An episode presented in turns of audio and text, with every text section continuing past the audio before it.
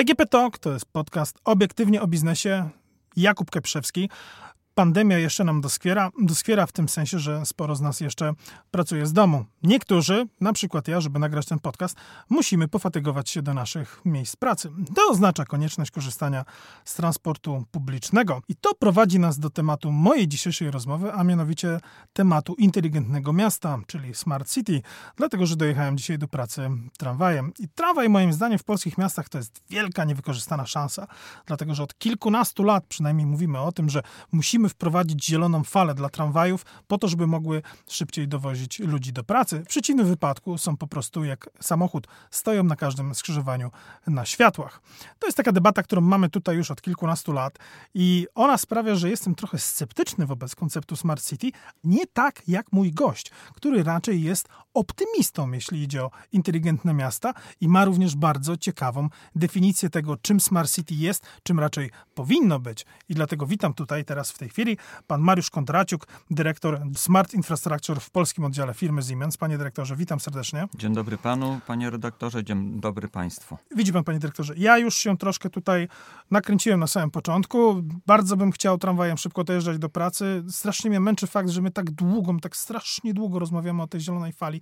Ta zielona fala dla tramwajów to jest takie rozwiązanie z zakresu Smart City, które mi się najbardziej kojarzy z tym konceptem. Tak? Kiedy ktoś mówi Smart City, to jest pierwsza rzecz, która przychodzi mi na myśl, ponieważ my tego nie mamy i tak długo trwa wprowadzenie zielonej fali albo dla samochodów, albo dla tramwajów.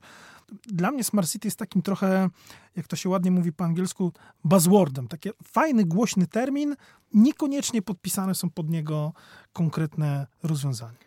Definicji Smart City jest cała masa, bardzo różnych. Ja jestem zwolennikiem podejścia do tego zagadnienia takiego, które mówi o poprawianiu komfortu życia mieszkańców.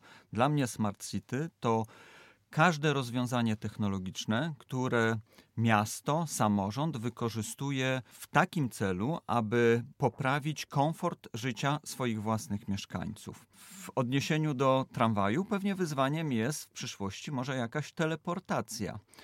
E, na dzień dzisiejszy. Ale całego wagonu, czy tylko pasażerów? E, wydaje mi się, że optymalnie będzie z, z teleportacją indywidualną. Natomiast tak na poważnie, na dzień dzisiejszy, mówiąc o smart city i transporcie publicznym, dotykamy dwóch zagadnień. Po pierwsze, zielonego transportu, żeby on nie powodował dodatkowych zanieczyszczeń i nie pogarszał właśnie w ten sposób komfortu życia mieszkańców, że oddychamy zanieczyszczonym, brudnym powietrzem. I po drugie. Czyli co z tego, że mamy czym jeździć? E, tak, skoro jeżeli, potem, jeżeli potem to odchorowujemy i, i siedzimy w domu, ale jest właśnie drugi aspekt, to jest jest szybkość dotarcia z jednego punktu do drugiego. Czyli jeżeli mówimy o transporcie publicznym, to chociażby zielone fale, ale również komunikaty na przystankach. Za ile przyjedzie mój konkretny autobus czy tramwaj, lub też aplikacje, które pomagają zoptymalizować drogę dojazdu. To wszystko, jeżeli mówimy o transporcie, dla mnie mieści się w pojęciu Smart City. Okej, okay. mówi pan rozwiązania polepszające jakość życia mieszkańców.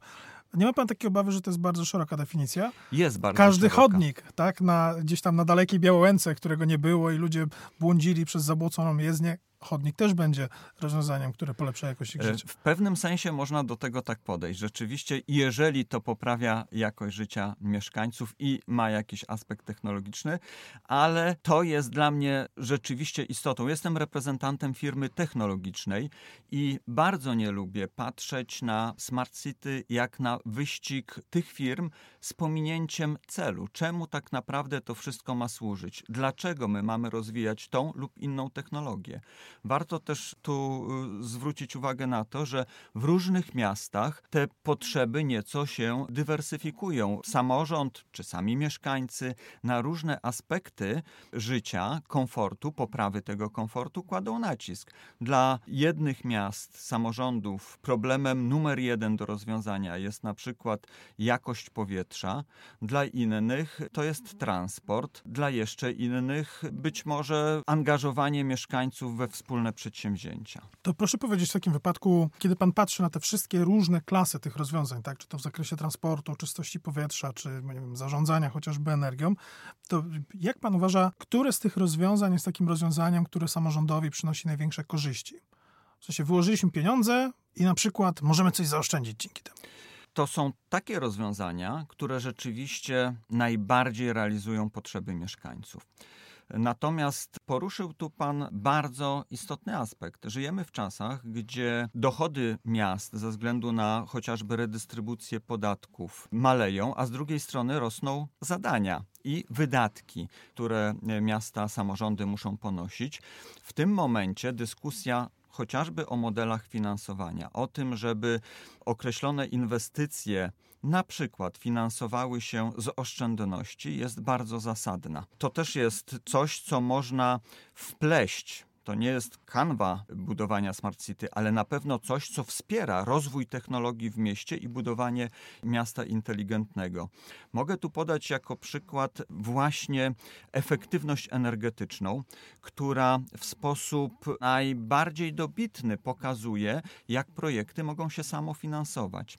My mamy długoletnie doświadczenie już we współpracy z samorządami, na przykład w formule partnerstwa prywatno-publicznego, gdzie realizujemy oszczędności dla miasta, poprawiając przy tym jakość powietrza, którym ci mieszkańcy oddychają, realizując miejskie cele redukcji emisji CO2, a to wszystko bez wyłożenia złotówki ze strony miasta, bez zwiększania długu miasta, współfinansowane przez nas jako podmiot prywatny i spłacane z oszczędności na przestrzeni następnych lat. Czy to nie jest tak, że te rozwiązania są za drogie? Jeżeli spojrzymy na technologię jako na czystą technologię, to zawsze pojawi się aspekt, czy warto to wydawać. W momencie, kiedy wracam do swojej definicji mhm. realizacji potrzeb mieszkańców, jeżeli ta technologia realizuje cel, który nazywa się określoną potrzebą mieszkańców, to zupełnie inaczej podchodzimy do kosztu tej technologii.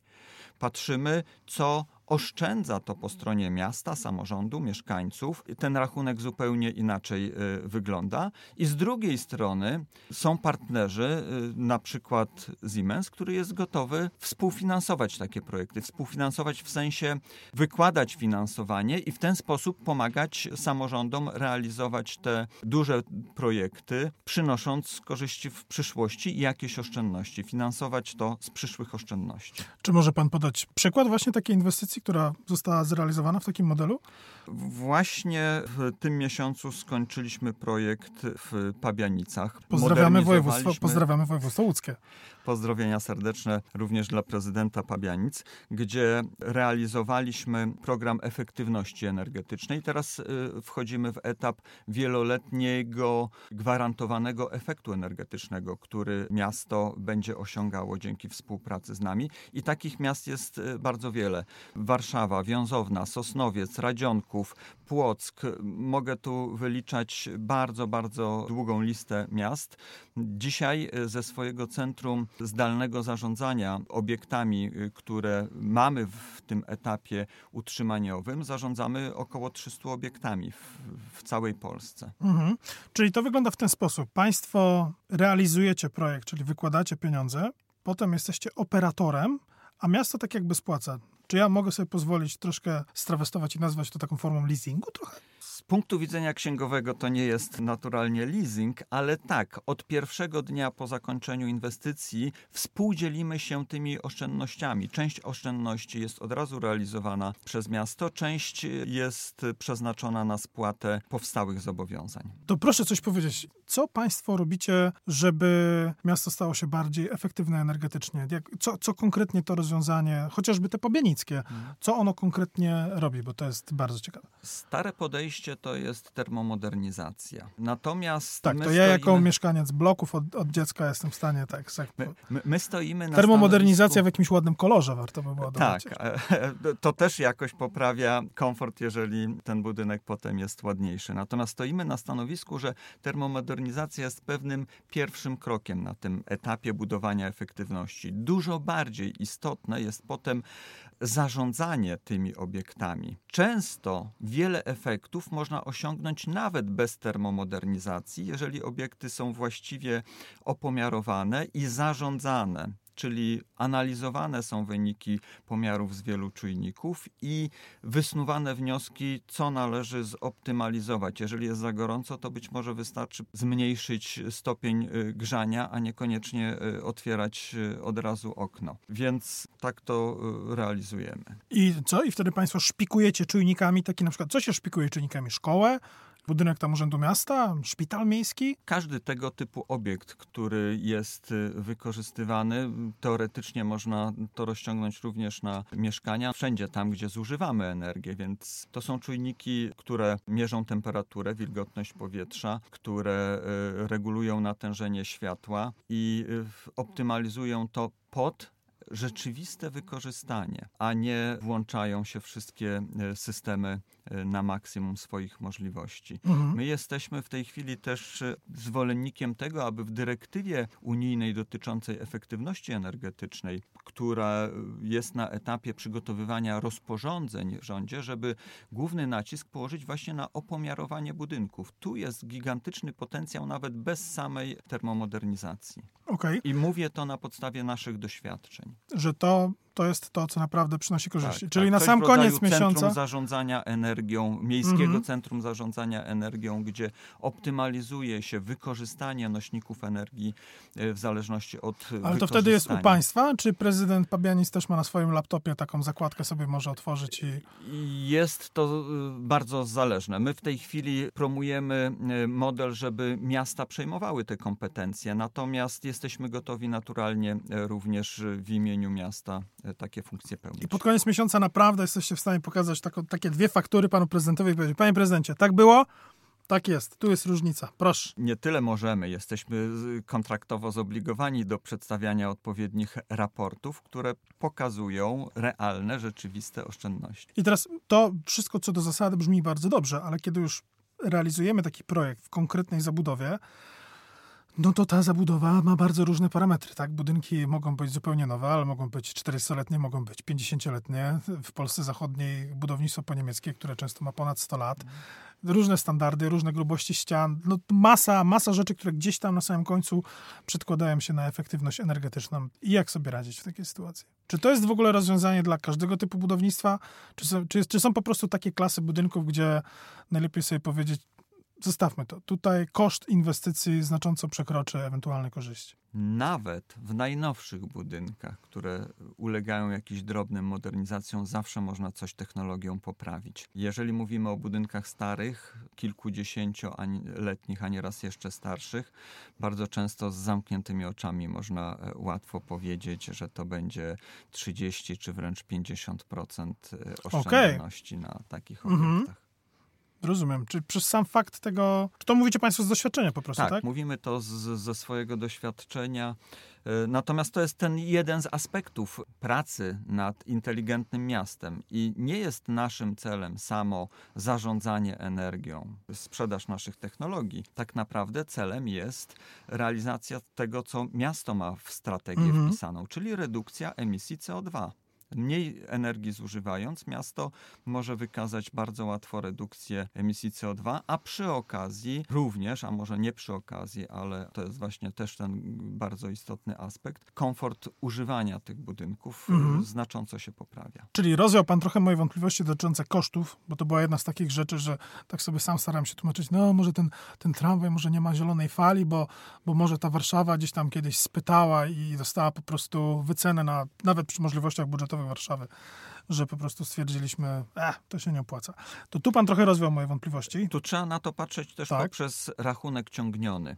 Jeżeli mówimy o zielonej fali, znowuż oprę się o nasze doświadczenie, kiedy zaczynaliśmy tworzyć y, pewien system inteligentny wspierający ruch y, tu w Warszawie i mieliśmy taki oddźwięk, że przecież wcale nie zmniejszyło się y, natężenie ruchu na tych arteriach, które są kierowane.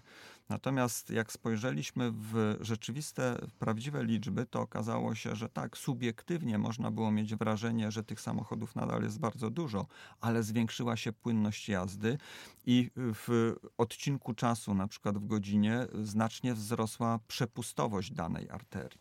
I to są te aspekty, które trudno jest przełożyć tak wprost na pieniądze zaoszczędzone przez mieszkańców. Mhm, rozumiem. Ale okej, okay, no tak jakby to z finansowaniem troszkę, troszkę jestem mniej sceptyczny. Czy w związku z tym, skoro mamy te atrakcyjne formy finansowania, skoro mówi pan, że nawet w starym budownictwie na dzień dobry można ocenić, że mamy takie a takie oszczędności, to czy w takim wypadku myśli pan, że faktycznie miasta są skazane na to, żeby naszpikowane czujnikami i technologią były instalacje gazowe, wodne, energetyczne, drogi, wszystko? Że to, że to naprawdę jest wizja, która dzięki tym mechanizmom finansowania, które umożliwiają wdrożenia, ułatwiają, że przez to miasta są po prostu skazane na to. Tak naprawdę jesteśmy y, naszpikowani tego typu sensorami już dzisiaj. Istota problemu polega na zebraniu tych danych i analizowaniu w skali takiej makro, w dużej skali dostępnych już danych. Dokładanie kolejnych czujników sensorów y, tylko będzie zwiększało efekt y, uzyskiwanych korzyści. Taka sensoryczna synergia można tak, no, y, trochę zmieniając obszar, jeżeli podchodzimy do skrzyżowania ze światłami, dzisiaj ciężko już nawet znaleźć takie skrzyżowanie, które nie inteligentnie nie widzi, że pieszy podszedł do krawędzi jezdni. Także tych sensorów naprawdę mamy bardzo, bardzo dużo. A proszę powiedzieć, nie myśli pan, że z wdrażaniem tych technologii inteligentnego miasta, że to nie jest troszkę tak jak z wdrażaniem technologii inteligentnego domu, że fakt, że systemy są rozproszone, każda firma ma swój zamknięty ekosystem i że te ekosystemy różnych firm nie rozmawiają ze sobą, że to też jakoś nie wpływa na opóźnianie przyjmowania, czy jak to się mówi czasem, adopcji przez rynek, w tym wypadku przez miasta? Poruszył Pan bardzo ciekawego i istotnego aspektu rozbudowy systemów inteligentnego miasta. To może być bariera, jeżeli zamkniemy się w rozwiązaniach niestandardowych. Dlatego ja zawsze namawiam i uważam, że po pierwsze standard, po drugie modularność przyjmowanych rozwiązań jest kluczem do sukcesu. Jeżeli spojrzymy na przykład na systemy nie wiem, monitoringu wizyjnego, czy systemy, inteligentne systemy sterowania ruchem. To są systemy, które powstają na pewnych ograniczonych obszarach miasta, często jako piloty, następnie wtedy, gdy się sprawdzają, kiedy i mieszkańcy, i samorząd widzi korzyść e, z takiego systemu, one są rozbudowywane. Ten proces trwa latami, kilkanaście, a nieraz nawet kilkadziesiąt lat. Bez standardu wymiany informacji, bez modularnej budowy tych systemów, rzeczywiście to może wręcz uniemożliwić po 10-15 latach dalszą rozbudowę takiego systemu. I są już takie standardy, takie na przykład USB dla Smart City, że każde urządzenie można podpiąć i ta szyna rozumie, co to urządzenie do niej wysyła i przesyła to dalej? Są takie standardy wymiany danych i na poziomie interfejsu fizycznego, ale również protokołów wymiany danych, tak. I firmy takie jak Siemens, co jest jakieś forum branżowe i się dogadujecie? Mhm. Uczestniczymy w różnych komitetach, głównie na płaszczyźnie międzynarodowej, gdzie tego typu standardy powstają, gdzie przedstawiamy swoje racje i współtworzymy standardy. To proszę powiedzieć, jak pan przegląda w ogóle całą klasę, całe klasy rozwiązań inteligentnego miasta na świecie, to które z takich wdrożeń w Polsce i na świecie, nie wiem, imponują panu najbardziej, podobają się panu najbardziej, pana zdaniem wyznaczają kierunek, są takimi trendsetterami, jeśli idzie o tą klasę rozwiązań. Tak, żebyśmy starali się, oprócz tego przykładu Pabianickiego oczywiście, przybliżyć słuchaczom, o czym konkretnie tutaj mówimy. Zawsze waham się przy tego typu odpowiedzi, stąd ta chwila. Nie, nie, nie chcemy, nie tak. chcemy mówić, że skoro mówimy o tym, to reszta jest gorsza. Mhm. Tylko który jest takim wrócę do swojej definicji, gdzie Smart City ma służyć poprawie komfortu życia mieszkańców. I w różnych miastach różne aspekty życia są e, bardziej akcentowane. Są aglomeracje, gdzie jakość powietrza jest e, dużym wyzwaniem. I tu rzeczywiście kwestie związane z predykcją e, zanieczyszczeń. Też mamy tego typu systemy, które pozwalają potem aktywnie wpływać chociażby na pewne e, działania w przyszłości, które spowodują, że te zanieczyszczenia będą mniejsze niż byłyby, gdyby tej ingerencji nie było. Poprzez termomodernizację, czy w ogóle zarządzanie energią, jakość powietrza można poprawiać. I tu na przykład w Norymberdze jest świetny system, który przewiduje na podstawie pomiarów, na podstawie pewnych trendów, czy nie będą przekroczone pewne wskaźniki jakości powietrza jutro czy pojutrze i jeżeli taki alert się pojawia, to jest czas na zareagowanie, na ograniczenie jakiejś produkcji, na przekierowanie jakiegoś ruchu w trochę mhm. inny sposób. Daje to e, narzędzia, więc tego typu rzeczy są ciekawe. Kolejny aspekt to na przykład transport. I tu no, takim benchmarkiem dla mnie jest e, na przykład Wiedeń, który po pierwsze ma zintegrowane bardzo różne rodzaje transportu dla całej aglomeracji, co jest często w polskich miastach wyzwaniem, chociażby połączenie i zrealizowanie jednego biletu już nawet nie w, w, w ramach miasta, ale w ramach całej aglomeracji. Więc tu taki przykład e, zdecydowanie, ale też chcę pokazać, że na przykład to, z czego ja jestem dumny, to system rowerów publicznych, który jest w Warszawie. To jest zdecydowany benchmark dla Europy. My jako Siemens do tego w minionym roku dołożyliśmy taką cegiełkę, że na trasach rowerowych pojawiły się syrenki zapalane w różnym kolorze w zależności od sugerowanego tempa jazdy rowerzysty, aby na kolejne skrzyżowanie dojechać na zielone światło. Okej. Okay. Także jestem również z tego dumny. Bardzo ciekawe. A myśli pan, że rozwiązania inteligentnego miasta będą kluczowe w tym, żeby budować taką odporność na zmiany klimatu? Dlaczego pytam? Bo jesteśmy po serii ulewnych deszczy. Mhm. Wiemy, jak czasami ta kanalizacja odpływowa reaguje. nie zawsze reaguje tak, jakbyśmy chcieli. Wiemy też, że mogą się w jakiejś tam przewidywanej przyszłości pojawić problemy z dostępem do wody, czyli być może, nie wiem, podlewanie ogródka przydomowego stanie się pewnym luksusem albo rzadko dostępnym dobrem. Czy tutaj te wszystkie technologie również będą miały coś do powiedzenia? Jeżeli pan poruszył aspekt podlewania ogródka czy mycia samochodów, to to może mieć przełożenie i technologie Smart City mogą tutaj w jakiś sposób ingerować i ułatwiać życie poprzez predykcję chociażby zjawisk, które mają następować. Naturalnie nie zahamujemy pewnych zjawisk nawałnicowych i y, sama technologia Smart City może pomóc odnaleźć się i zarządzić sytuacją kryzysową, natomiast na pewno jej nie zapobiegnie. Myśli pan, że doczekam w końcu tej zielonej fali dla tramwajów? Na pewno, jestem tego absolutnie pewien. Mam taką nadzieję. Jestem. Gościem podcastu DGP Talk, obiektywnie o biznesie, Mariusz Kondraciuk, dyrektor Smart Infrastructure w polskim oddziale firmy Siemens. Panie dyrektorze, bardzo dziękuję. Dziękuję panie redaktorze za rozmowę, dziękuję państwu. DGP Talk, obiektywnie o biznesie, Jakub Kaprzewski i do usłyszenia w następnym podcaście.